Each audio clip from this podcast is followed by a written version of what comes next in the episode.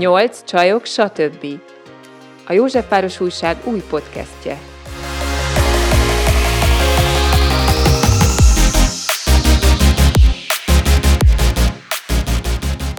Sok szeretettel köszöntjük a Nyolc csajok, stb. hallgatóit. Köszönjük, hogy ismételten itt vagytok velünk. Igyekszünk most is egy nagyon népszerű témát behozni nektek. A teljes növényi étrenddel fogunk foglalkozni. De talán arra is választ kapunk, hogy együnk-e húst, vagy ne együnk húst. Jó-e az, vagy nem? Itt van velünk dr. Iller Barbara, háziorvos szakorvos, és a Magyar Egészségmegőrzési és Életmód Orvostani Egyesület elnöke, aki azért ül itt velünk, mert írt egy könyvet a növényi étrendről, meglehetősen orvosi szempontból, és most azért hívtuk meg, hogy egy kicsit hétköznapi nyelven beszélgessünk vele erről, és többen megértessük, hogy miért jó ez az étrend, miért érdemes ezt követnünk, hogyan áll összefüggésben a különféle betegségekkel.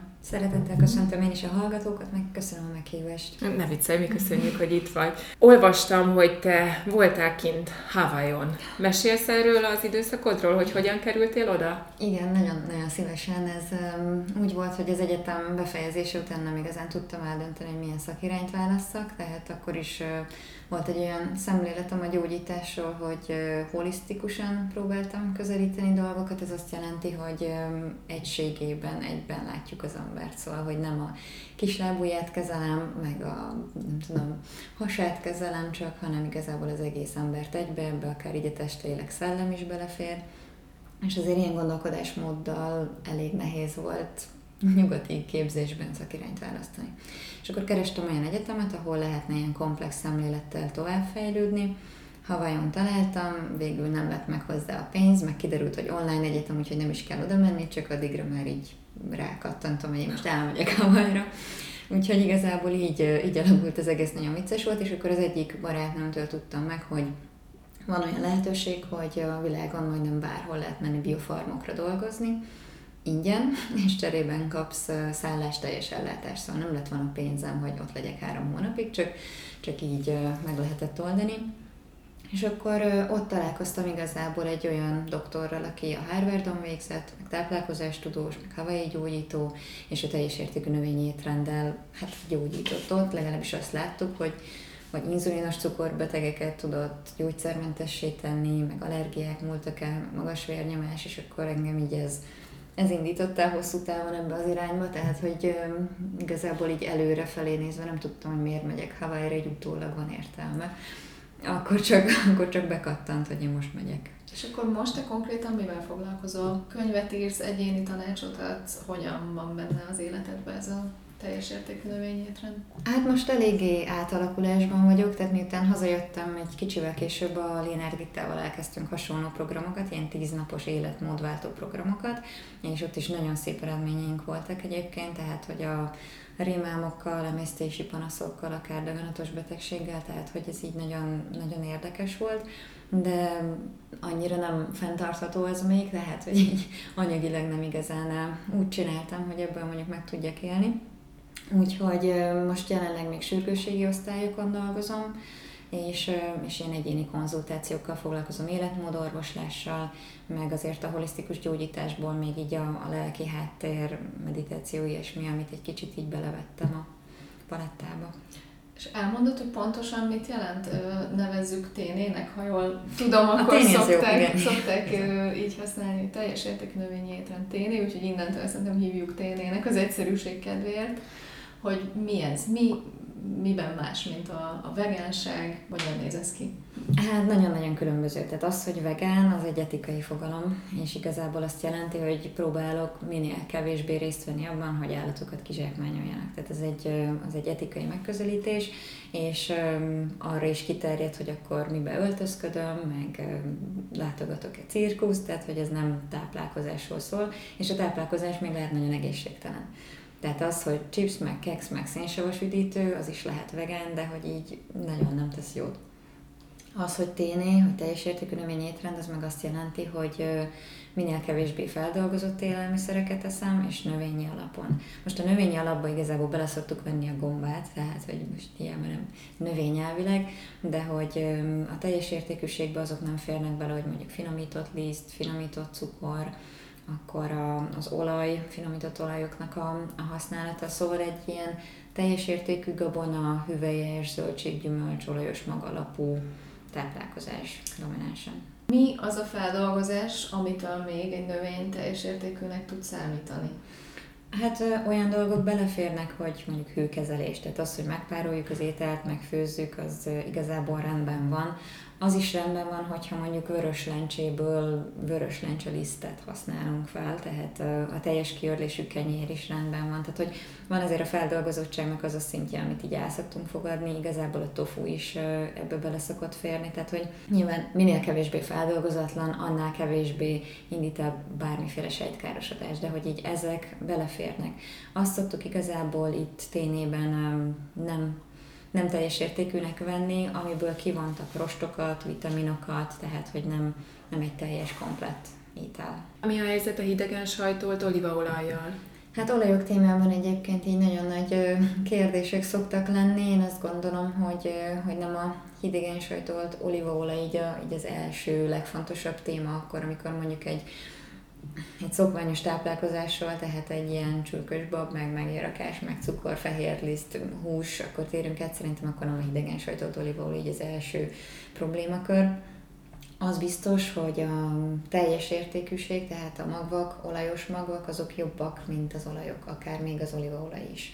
Vannak azért olyan olajok, amiket hidegen sajtolva, mondjuk egy salátára igazából nem, nem gond használni, de ez nagyon zsírsav összetételtől függ. Tehát mondjuk ebben így a legjobb a blend magolaj, vagy az algaolaj, vagy a kender, még a diós erosz. De hogy maga az olaj, annak azért így kutatások szerint lehet, hogy van egy olyan hatás, hogy átmenetileg azért csökkenti az érfalaknak a rugalmasságát. Szóval, hogy az sem egy tökéletes dolog, de én azt gondolom, hogy, hogy egy hidegen sajtott olívaolaj az sokkal kisebb probléma, mint mondjuk a feldolgozott húsok fogyasztása.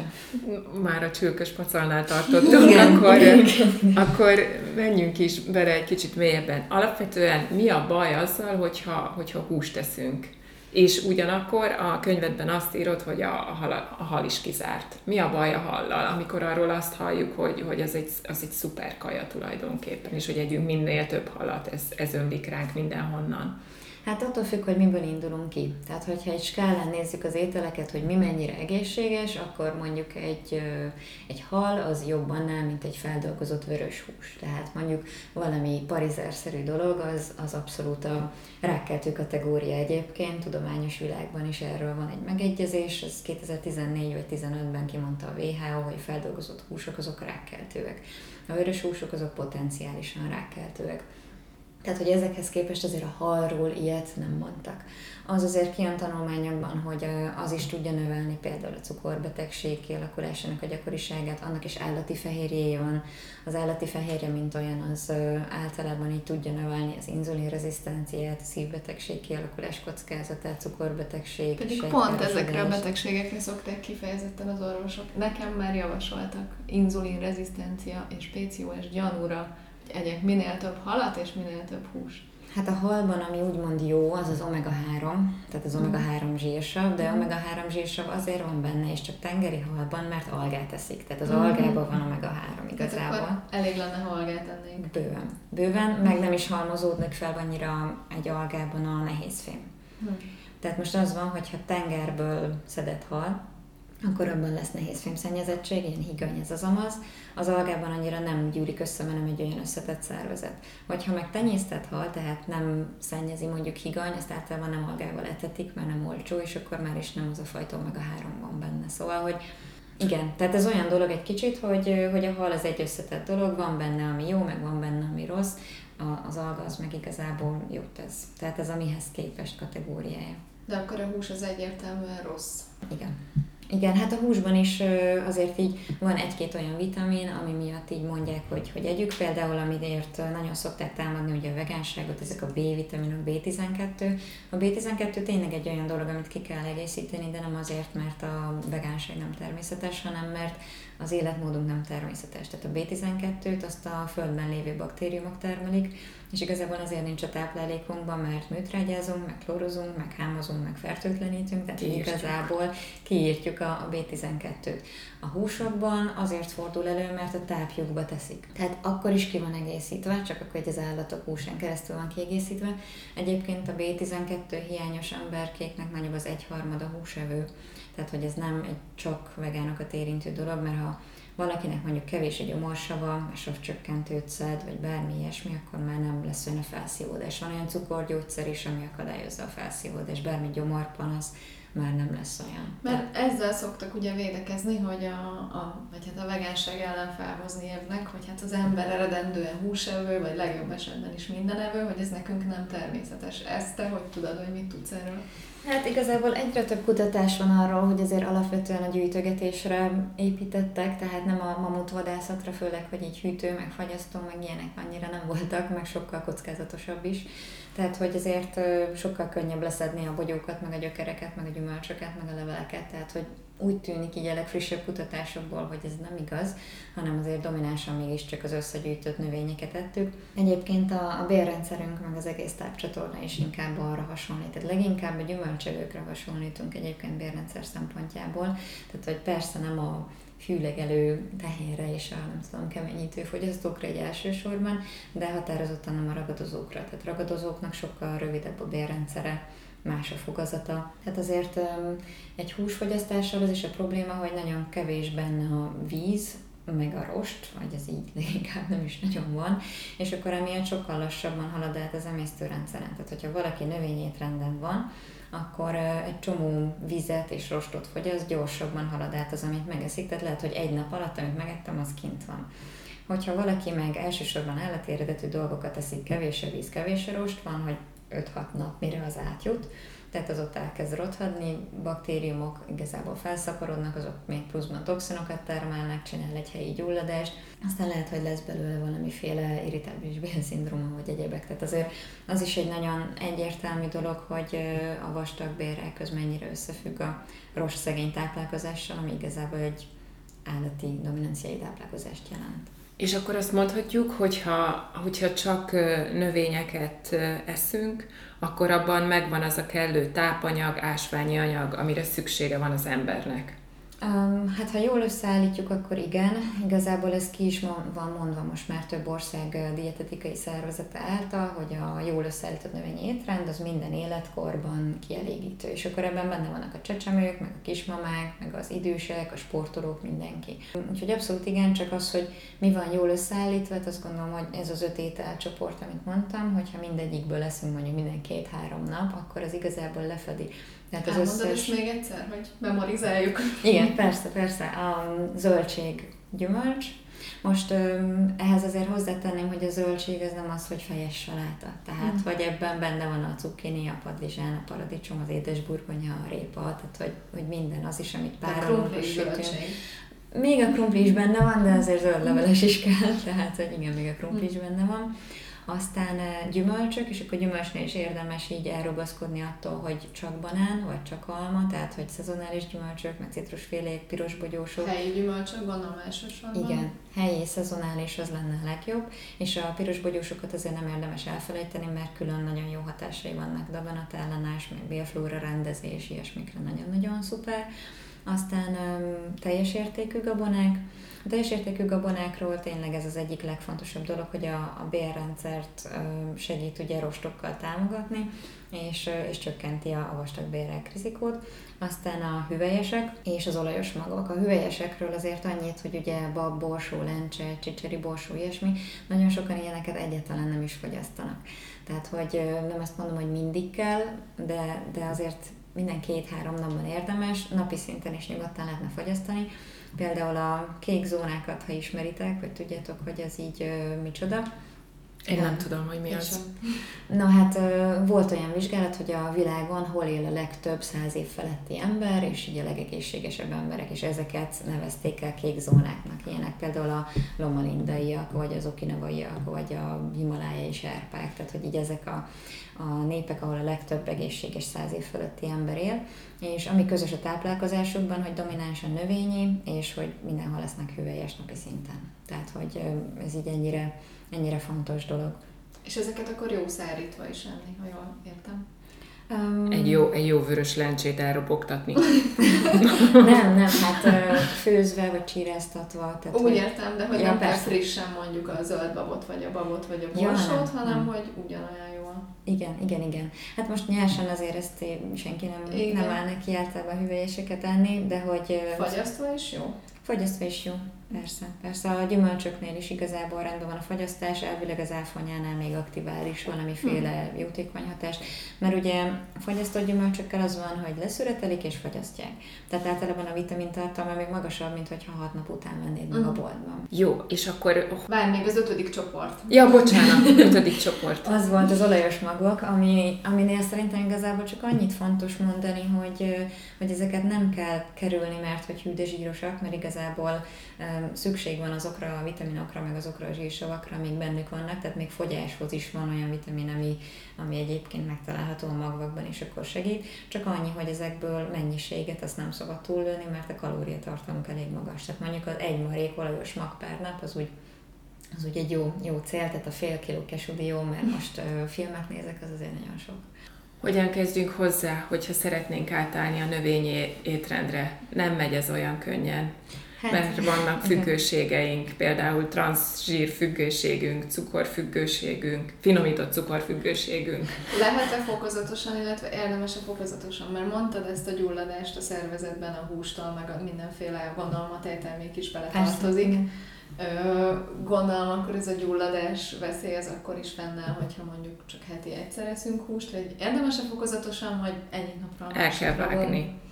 Hát attól függ, hogy, hogy mi az a táplálkozás, amiből kiindulunk, meg hogy miért váltunk, és mekkorát szeretnénk. Tehát, hogy hogyha valaki tényleg ez a fehér kenyér, fehér cukor, szalámi kategóriájú táplálkozást folytatott eddig, akkor mondjuk azt nem javaslom, hogy másnap legyen nyers vegán. Tehát, hogy mert egyáltalán nincs meg az a felkészültség így az enzimek részéről, meg a bélbaktériumok részéről, hogy azt tudná emészteni. Tehát, hogy ha egészségügyi szempontból nézem, vagy egészségügyi okból váltunk, akkor szerintem inkább fokozatosan. Hogyha valaki azért vált, mert hirtelen vagy az ökológiai, vagy az etikai okok így beütöttek, és akkor mostantól nem, hát akkor úgyis, úgyis élesen fog váltani, de szerintem ilyenkor is abszolút megengedhető, meg lelkileg is segít egyfajta fokozatosság, hogy nem, ak- akkor nem azonnal mondjuk teljes értékűzöm. Van, aki ilyen, tehát van, aki egyik napról a másikra neki kell teljes értékűzni, akár 70% nyerssel, úgyhogy addig nem csinálta. Általában vannak is tünetei. Milyen Tehát- tüneteket produkál ő? Hát, hogyha valaki nincsen hozzászokva ahhoz, hogy zöldséget eszik, gyümölcsöt, hüvelyes, tehát nem szokott mondjuk rostokat enni, akkor, akkor azért lehet puffadás, lehet ilyen emésztési nehézség. Tehát ez nem azért van, mert a zöldség puffaszt, vagy a hüvelyes puffaszt, hanem azért van, mert nincsen felkészülve rá egyrészt a bélflórája, meg kell szokni, és akkor utána ezek a dolgok eltűnnek. Nekem azt hiszem, hogy olyan hónap volt, van akinek hamarabb, van akinek több, attól függ, hogy mennyire van távol az, ahogy eszünk attól, amire átállunk. Meg a másik dolog, hogy azért nagyon sok salakanyag le van rakódva, és ezek a rostok azt elkezdik letakarítani. Tehát igazából a méregtelenítés folyamatától is van ez a puffadás. Én Találkoztam egyszer egy olyan férfival, aki bőtközpontot vezet Kosztarikában, 30 éve volt akkor nyers vegán, és mondta, hogy a legkirívóbb esete az az volt, egy túlsúlyos férfi, hogy ö, több hetes vízböjtre érkezett. Tehát nyilván ilyenkor van felügyelet, nézik a cukrát, a vérnyomását, kórházzal kapcsolatban vannak, de hogy 42 nap csak vízivás után még volt széplete. Wow. Igen. Tehát igen. Mit kellett ott letakarítani? Így van, és így nem gondoljuk, hogy, hogy ott van cucc. És amikor elkezdünk sok vizet bevinni, rostot, növényeket, az elkezdi ezt letakarítani, és akkor ettől vannak kellemetlen panaszok, de hogy ez így el tud múlni. És akkor mit szoktál mondani olyannak, aki mondjuk által növényétrendre, mert azért én is benne vagyok egy pár ilyen vegán meg téné csoportban, és állandóan látom én is a panaszokat, hogy jaj, de pufadok a karfioltól, meg a csicseri borsótól, meg a hüvelyessel, meg ö, ne együnk ilyeneket, kerüljük, hogy, hogy ö, akkor tartson ő is 42 napos vízbajtot, vagy várjon egy évet. Ehhez kapcsolódik az, hogy például, például amikor kisgyereknek főzöd a brokkolit, karfiolt, ugyanúgy, akkor azt szokták mondani, vedd le a fedőt, mert akkor nem pufasz. Ezeknek tényleg van jelentőségük, vagy abszolút e- e- engedjük ezt el? Hát az biztos, hogy azért a nyers növényekben vannak olyan anyagok, hogy, hogy nehezíteni az emésztést. Tehát, hogy azért is, nem mindenben, a hüvelyesekben kifejezetten, magvakban is van, mert ugye a természetben általában az van, hogy nem szeretné a mag, hogy őt tegyék meg, hanem majd a növényét, tehát ő szeretne kinőni. És viszont amikor víz éri, akkor már így teljesen más az enzim készlete. Tehát, hogy ez azért van, hogy ezért nem eszünk meg nyersen babot sem, meg ilyesmi, mert, mert úgy azért tudja zavarni az emésztés, de főve ezek az anyagok egyébként kimennek belőlük, tehát hogy ez biztos, hogy van. Hát azt javasolnám ilyenkor, hogy a hüvelyeseket tényleg abszolút fokozatosan kell bevezetni, tehát hogy kis adagonként legyen ezért minden nap, mert mert a bélflóra igazából az alapján alakul, hogy mit eszünk. Tehát, hogyha ma nagyon beettem humuszból, ebből, mm. abból, és utána másfél hétig nem eszem hüvelyest, akkor így megint lecsökken a bélflórában azoknak a baktériumoknak a száma, amik segítenének emészteni. Tehát rendszeresen kis mennyiséget, és én a lencsével kezdeném, azt a legkönnyebb emészteni, aztán borsó, csicseri borsó, bab, tehát biztosan nem egy vegán csilis babbal indítanám, hogyha hogyha éppen váltani szeretnék, meg vannak dolgok, amik még nagyon sokat segítenek a puffadásban. Én hüvésektől akkor tudok még puffadni, hogyha valahol máshol gyors ételben esetleg uh, eszem, mert az lehet, hogy konzerv volt, lehet, hogy nem főzték ki úgy, tehát hogy uh, ha mondjuk kiáztatjuk őket, tehát tudom, hogy holnap szeretnék főzni valami lencsefőzeléket, vagy babfőzeléket, akkor este vízben ázva beteszem a hűtőbe, és azt az áztató vizet reggel leöntöm. Tehát abban benne van nagyon sok olyan dolog, ami nehezíteni az emésztést. Lehet kétszer is leönteni áztató vizet, Esetleg szódabikarbonát tenni bele, én sose csináltam, nekem nem kellett, de elvileg ez is segít. Meg hogyha együtt főzzük olyan fűszerekkel, hogy kömény, gyömbér, esetleg vakame algával, tehát hogy ezek, ezek mind segítenek emészteni. És neked egyébként most mondtad, hogy egy hónap volt, amíg átállt a szervezeted. Milyen egyéb pozitív hatásokat tapasztaltál? Mert gondolom, te ezt az életmódot követed egy ideje, mióta? Hát én igazából etikai alapon váltottam, úgyhogy nálam ami fokozatos, az a téné felé tartás. Most sem, most sem csinálom százszerzelékig. Azt gondolom, hogy biztosan lehetne, hogyha ezen nagyon fókuszom lenne de hogy így egyelőre nem, nem olyan az életem, meg az elmúlt egy évben is. Hát négy-öt, négy-öt helyen laktam úgymond, mert mit tudom, én laktam Siófokon, fejelkeltem Budapestre, aztán Szobra egy felnőtt képzésbe, kiérkeltem Írországba dolgozni, tehát hogy nem igazán ez volt a fő fókuszom, hogy mindig teljes értékű legyen, amit eszek. Tehát a vegánt azt tartottam, azért igyekeztem, tehát a zöldséggyümölcsfogyasztást azt megtartani, de, de hogy volt olyan, hogy nem volt ez száz százalék.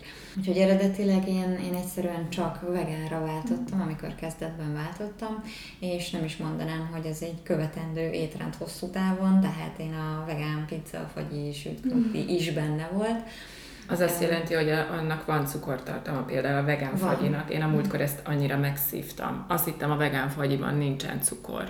Tehát cukor vegán.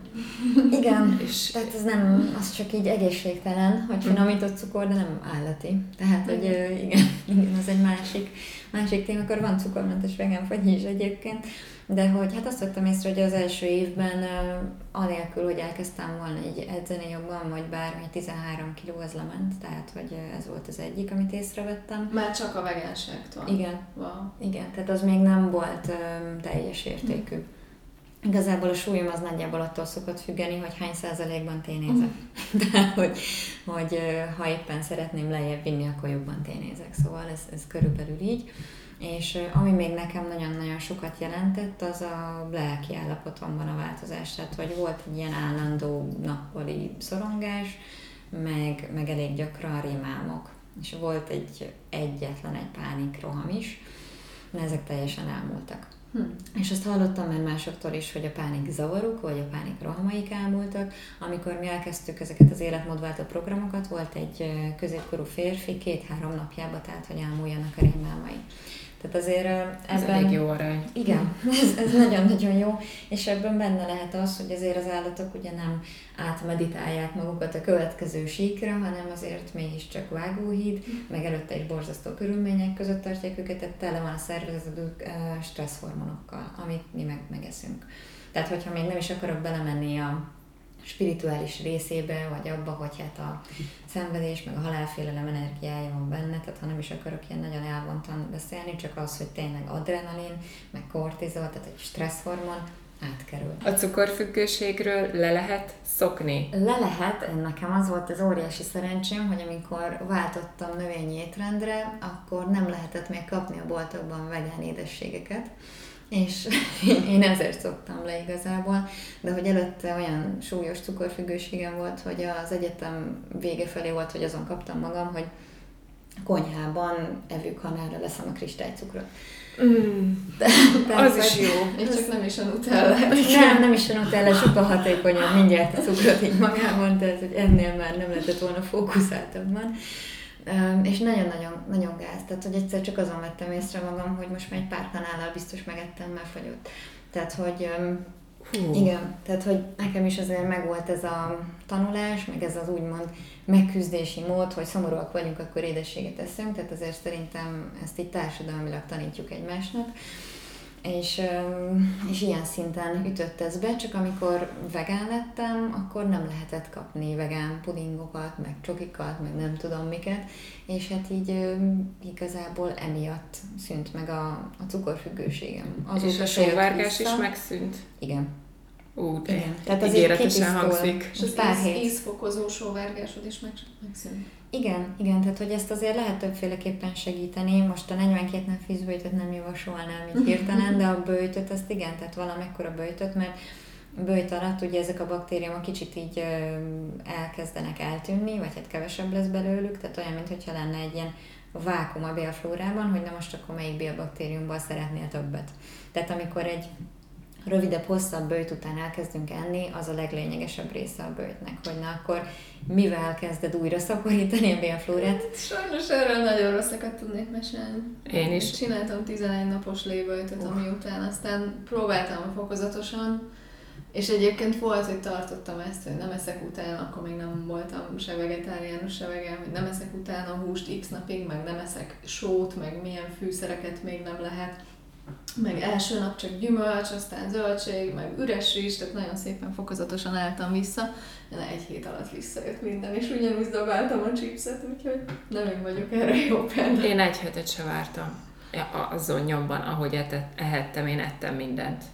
Hát igen, ezt uh, igazából úgy, úgy érdemes elhatározni, hogy utána mondjuk három hétig tartom a téné környékét. Mm mert nagyjából olyan három hét az, ami alatt ezek a függőségek tudnak oldódni, uh-huh. tehát akár a sajtfüggőség, akár a, az ilyen cukorfüggőség, mert, mert egyrészt a bélflórának is azért át kell alakulnia, meg van egy idegrendszeri összekapcsolódás ennek. Tehát van egy olyan agyidegünk, ami lemegy a hasunkig, okay. és igazából oda-vissza megy a kommunikáció. Tehát azért erről szoktak is beszélni, hogy ez a bélogy tengely vagy hogy ilyen második agynak hívják mhm. sokan azt az idegrendszeri részt, ami a hasunkban van, tehát hogy ugyanolyan kémiai molekulák kommunikálnak itt is, ott is, és akkor jelezget egymásnak. Tehát mondjuk itt elkezd megcsökkenni az a baktérium, ami a sajton táplálkozott, vagy a fehér cukron, vagy a nem tudom micsodán, és akkor nem kapja az utánpótlást, felküldi a jelet az agynak, hogy neki az kell, és akkor neki állunk sóvárogni. És például akkor ez azt jelenti, hogyha hogyha kitisztítjuk magunkat, uh-huh. kibírjuk azt az időszakot, amíg kitisztulunk, akkor onnantól kezdve kvázi ösztönösen érezzük azt, hogy milyen tápanyagra van szükségünk, és hogy mit kíván a szervezetünk, hogy mit kéne ennünk, ahhoz, Amúgy hogy igen. megmaradjunk. Tényleg?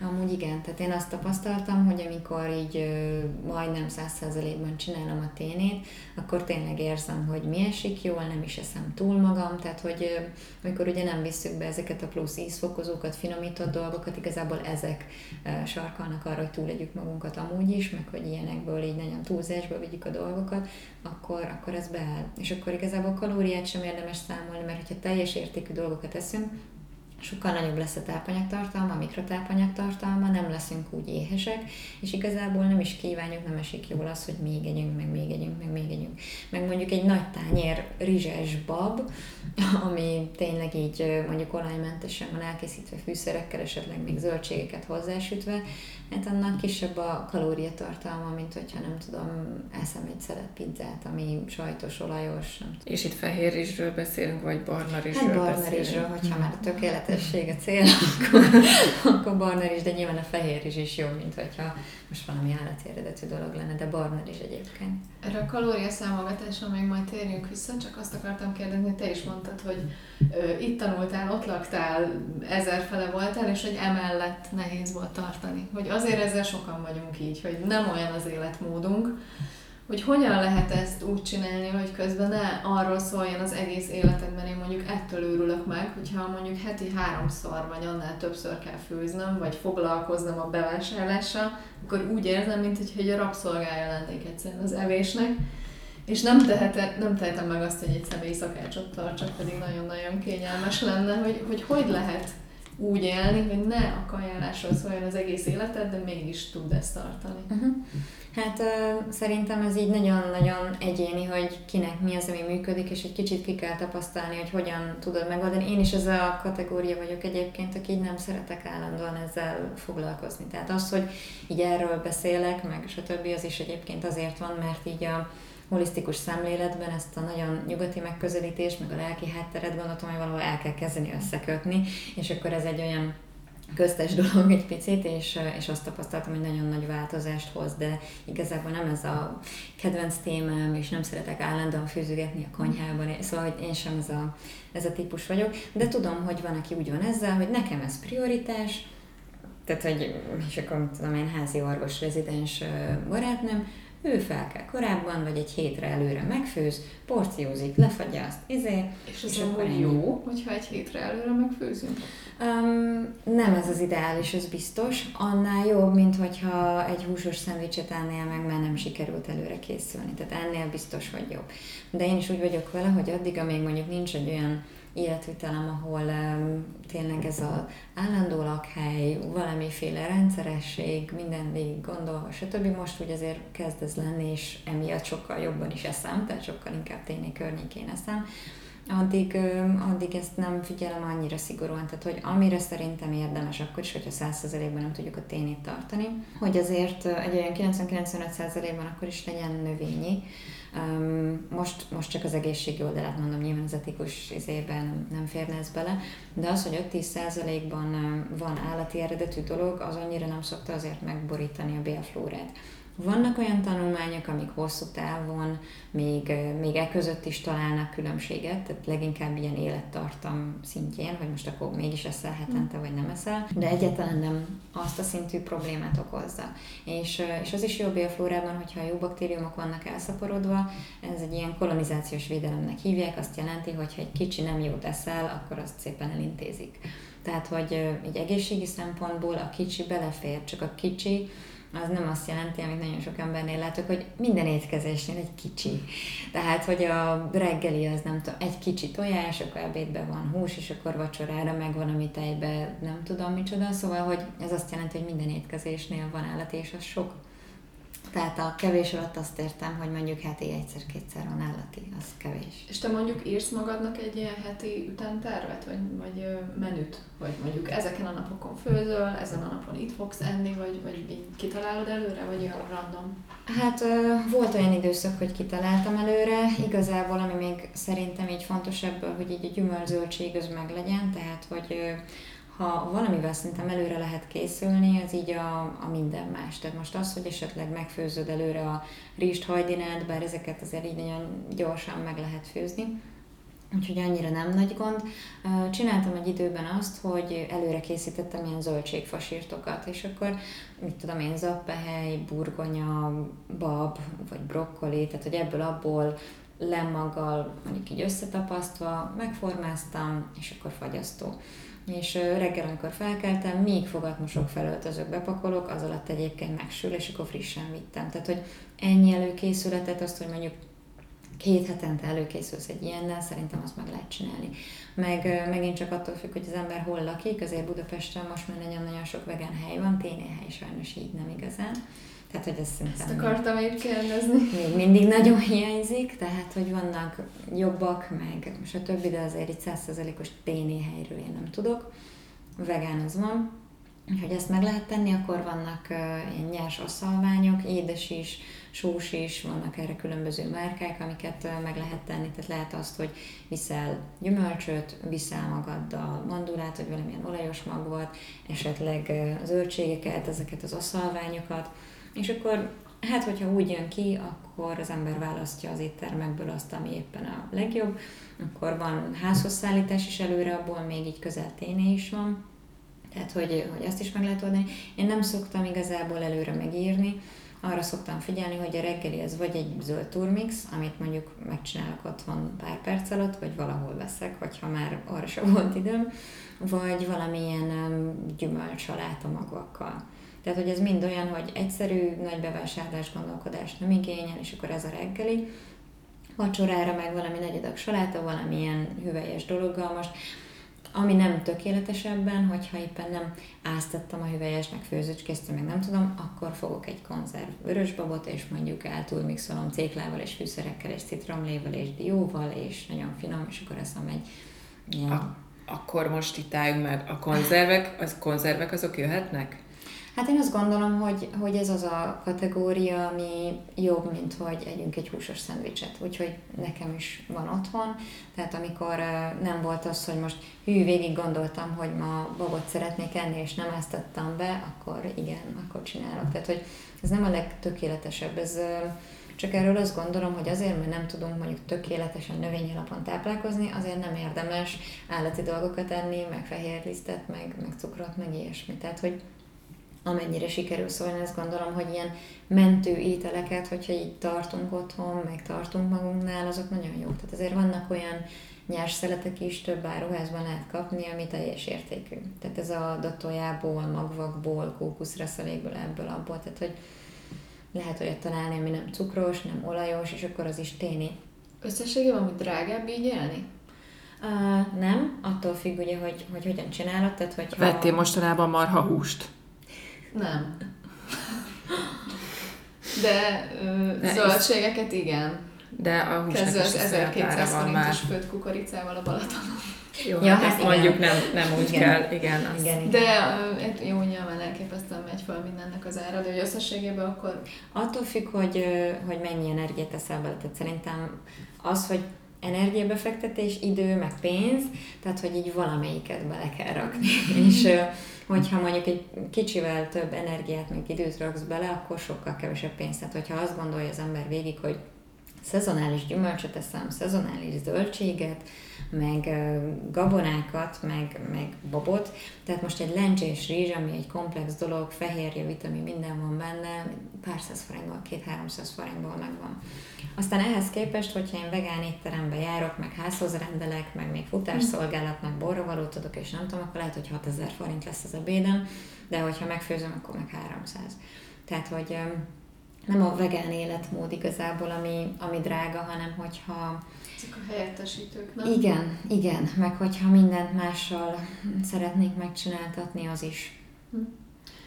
És hogyha mm, a barátaiddal mész valahova étterembe, este beültök valahova, akkor, akkor milyen stratégiát választasz? Eleve vegán barátokat és ténéző barátokat választasz magad Nem, köré? én nem vagyok ilyen. vagy, vagy akkor meggyőzed az egész társaságot, vagy a fennálló kínálatból valahogy megoldod? Hát igazából, hogyha most tényleg barátokról beszélünk, annyi tekintettel szoktak lenni, hogy olyan helyre menjünk, ahol tudok valamit enni. Hm. És akkor ez már így elég. Tehát, hogy a, legrosszabb esetben az ember persze sült krumpli alkohol, de hogy így nem, nem, nem javaslom, mert ezért nem ez a, a legegészségesebb dolog, de a legtöbb étteremben egyébként vagy ha egyáltalán nem is vegánok, vagy most nem is voltunk mondjuk nyaralni, azért tudnak kihozni édesburgonyát, meg grillzöldséget, meg salátát, meg most már egy-egy vegán étele azért a, hogy mondjam, csak fejlődőképesebb éttermeknek van, tehát nagyon sok az ételérzékeny, a vegetariánus, a vegán, tehát hogy... De mondjuk, hogyha édesburgonyát kérsz, vagy sült krumplit, azt meg sőt még a grillzöldséget is, hogy nagyon sok olajban csinálják. Olyankor De nem... még mindig jobb, mint a húsos szendvics. Igen. Hát még mindig jobb, Aha. mint hogyha, igen, igen, igen. Tehát, hogy én se gondolom, hogy, hogy ez így jó, és akkor megpróbálunk uh-huh. olyat választani, ami nem olajos, de hogy így tehát, hogy szerintem a helyzethez mérten a legjobb, amit tudsz csinálni. Tehát én sem szoktam azt csinálni, hogy egy étteremben akkor előveszem dobozból uh-huh. a otthon párolt, nem tudom, padlizsán. Van, ahol nyitottak rá, vagy volt már olyan, mondjuk megkérted őket, hogy mondjuk olaj nélkül süssék már a zöldséget? olyan, olyan volt már igen, hogy, hogy jeleztük, hogy így nem szeretnénk olajat, vagy csak nagyon minimálisat, és akkor megcsinálták, igen. Tehát, hogy ez nagyon helye válogatja. Hogy most így megsértődnek-e, hogy a vendégnek kérése van, vagy, vagy mint szolgáltató szektor figyelembe veszik, szóval. Már az elején is szóba került, amikor beszéltél a Hawaii kiruccanásodról, hogy, hogy az orvos, akinek elfelejtettem a nevét, Sintáni. Igen? Sintáni. Szóval ő, ő ezzel az étrenddel gyógyított gyakorlatilag, tehát gyógyszermentessé és majd, hogy nem egészségessé váltak azok az emberek, akik átálltak erre az étrendre. Erről tudsz egy kicsit bővenben beszélni, hogy ez, ez miért, miért leszünk egészségesebbek, hogyha csak növényi dolgokat eszünk? Igen, már szóba került itt, hogy a hús az a bélben sokáig megmarad.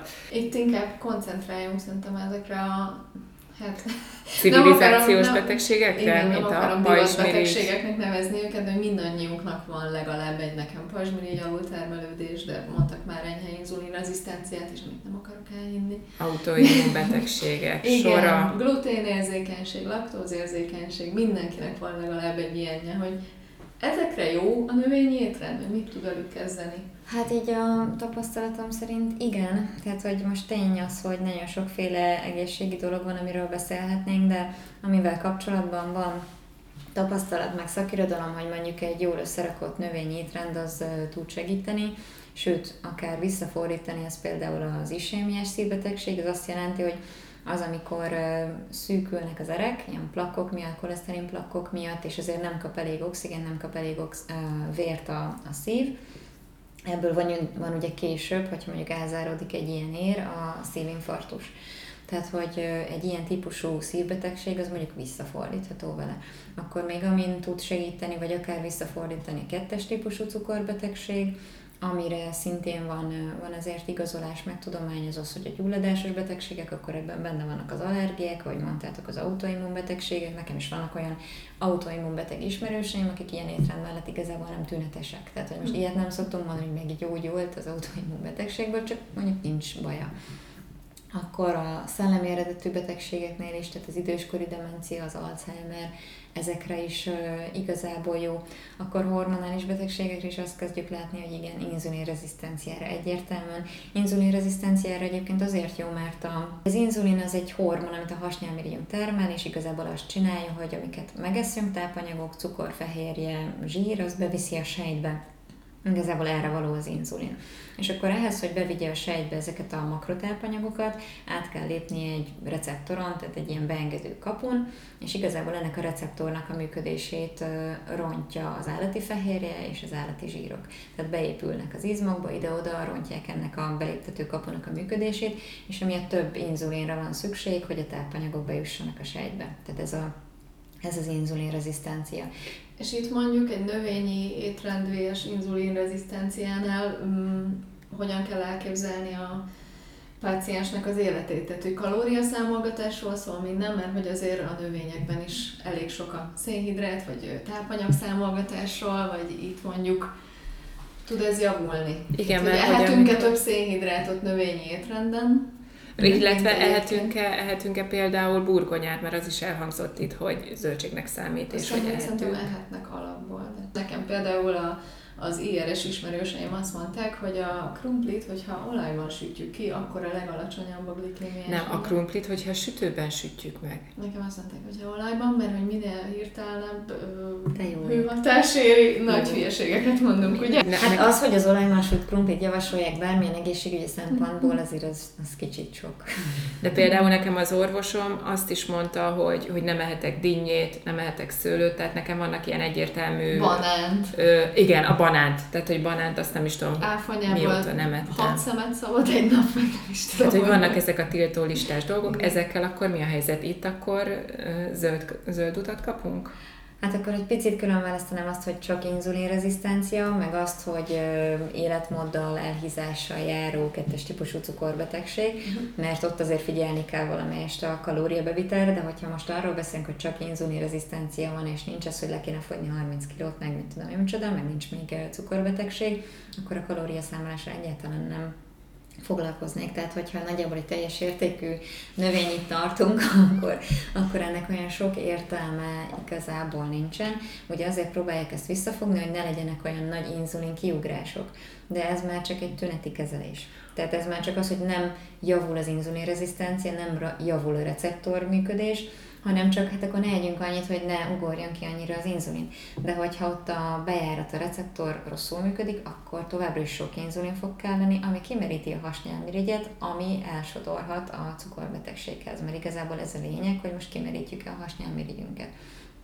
És hogyha egyébként nem eszünk állati eredetű dolgokat, akkor ez a receptor működés, ez igazából helyreáll, és akkor már nem lesznek ezek a dolgok. Nekem van olyan egyes típusú cukorbeteg ismerősöm, aki mondta, hogy hosszabb ténézés után most már egy kiló dinnyét megeszik, attól, attól sem ugrott ki a cukra, tehát ezt így lefotózta, dokumentálta meg, stb.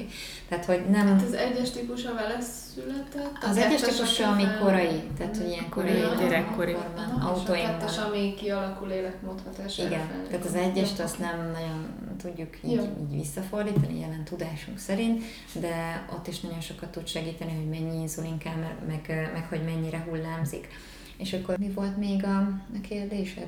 Kell-e szénhidrátot számolgatni? Hát jó, akkor most, most nem a fogyásos esetet mondom, nem. Igazából az a gond, hogy szénhidrát alatt nem ugyanarra gondolunk, amikor téné szempontból mondjuk, hogy szénhidrát, meg amikor az emberek arról beszélnek általában, hogy szénhidrát.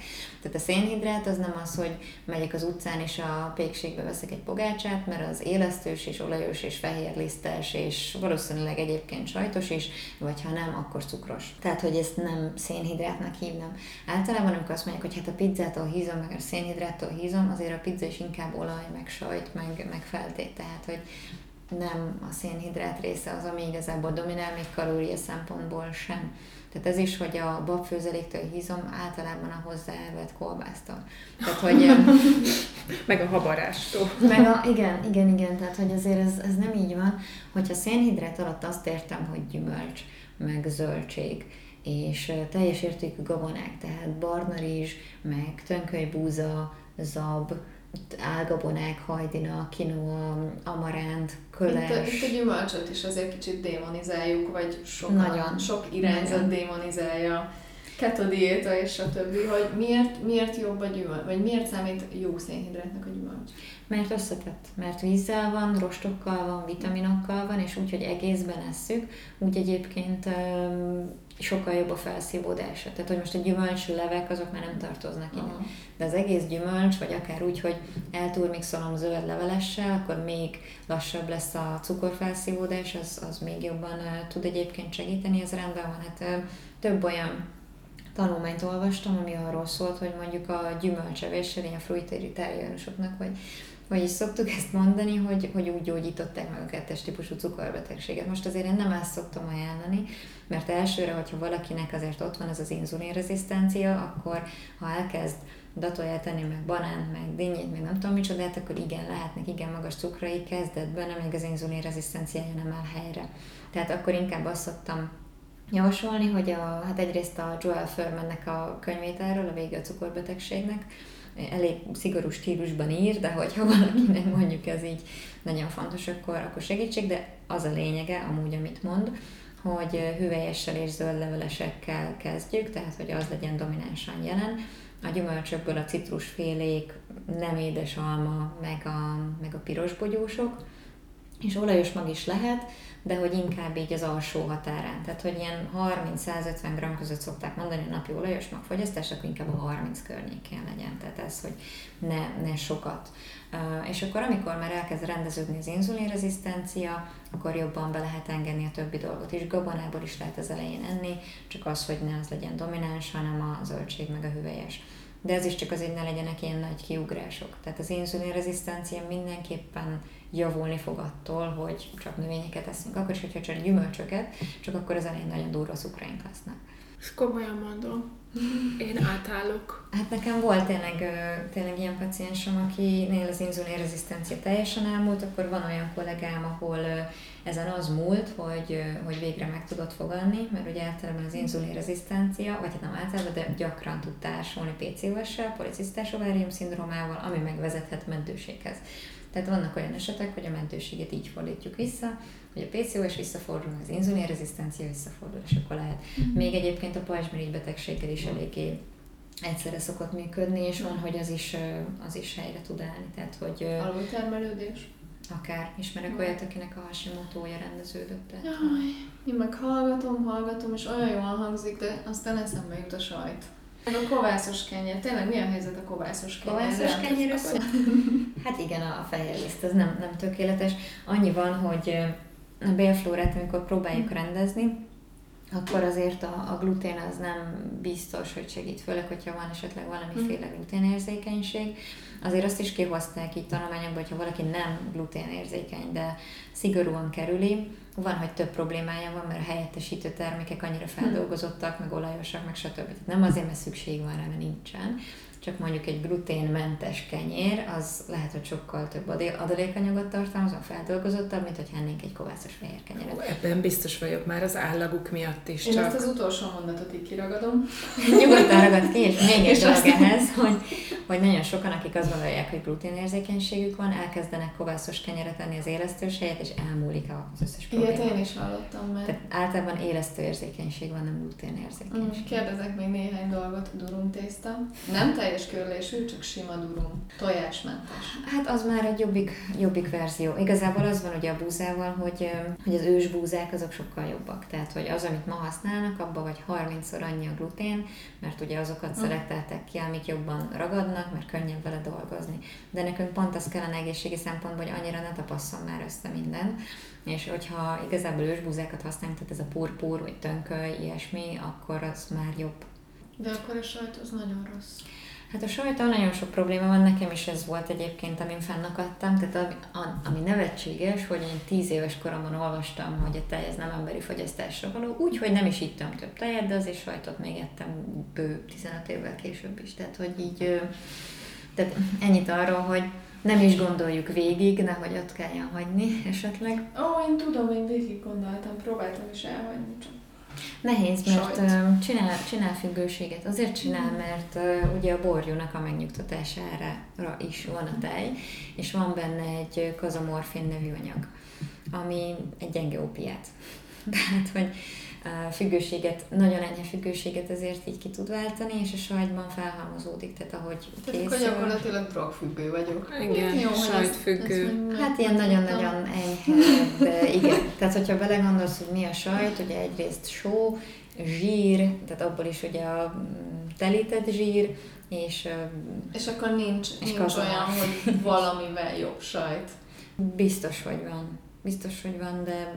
Nincs különbség a között, Szerintem a között, hogy te, de ezt akartam mondani, hogy a között azért van. Uh-huh. Tehát ami a, a tehéntejből készült sajt, azért a, abban lévő kazein, meg tejfehérje egyrészt az ilyen allergiás, meg autoimmun folyamatokat is, is azért akár el tudja indítani, tehát egyes típusú cukorbetegséggel azért már összefüggésbe hozták.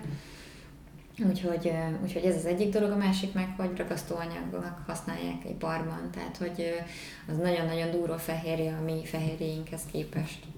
Tehát akkor a kecske és a lyuk? Hát akkor már inkább, igen, igen. Beszéltünk itt az elején arról, hogy a holisztikus szemléletet képviseled a, az orvoslásban. Azt már tudjuk, hogy milyen egészségügyi jótékony hatásai vannak a növényi étrendnek mi a helyzet a lélekkel, hogyan hat a lélekre? A növényi étrend? Igen. Nagyon jót tesz neki. Az mit jelent? Tehát, hogyha el, elkezdünk, átállunk erre az étrendre, akkor, akkor nyilván nem fáradtabbak leszünk, és nem motiválatlanok, és... Amúgy igen, tehát, hogy az alvás igény is csökken, azzal már, hogy növényi étrenden vagyunk, szokott csökkenni az alvásigény, minél nagyobb arányban eszünk nyersen, annál inkább csökken az alvásigény, és azért így a mindennapjainkban, hogyha mondjuk nincs szükségünk annyi alvásra, és kipihentek vagyunk, az nagyon sok mindenre kihat. Tehát így az emberi kapcsolatokra, a teljesítőképességre, az edzésre, a minden, mindenféle. A jó kedvre. A jó kedvre, igen, tehát hogy, hogy ez, egy, ez egy nagyon fontos dolog. Akkor a, a másik az, hogy a szorongás, depresszió, stb. ilyenek egyébként össze tudnak függeni a bélflórával. Tehát az, hogy egy bélflórát rendezek, az ugye beszéltünk róla, hogy összeköttetésben van az agyunkkal, a lelki világunkat is tudja rendezni. Tehát van is egy ilyen tudományterület, hogy pszichoneuroimmunológia, igen, azt jelenti, hogy a lelki világunk, meg az idegrendszerünk, meg a pszichoneura és az immunt mondtam, meg az immunrendszerünk az, az összefügg, és ez az egész egyébként kapcsolódik a bélflórával. Tehát mondjuk van egy egészséges bélflórám, az ad egy erősebb immunrendszert, ad egy kiegyensúlyozottabb idegrendszert és egy jobb lelki állapotot. Tehát, hogy, hogy ez ilyen szorongás, oldás, depresszió csökkentés, ezekre például nagyon jó. Omega-3 tartalma egyébként általában jelentősebb, mert nem csak az algában van omega-3, hanem a hüvelyesekben is, meg a gyümölcsökben is, meg mindenben van.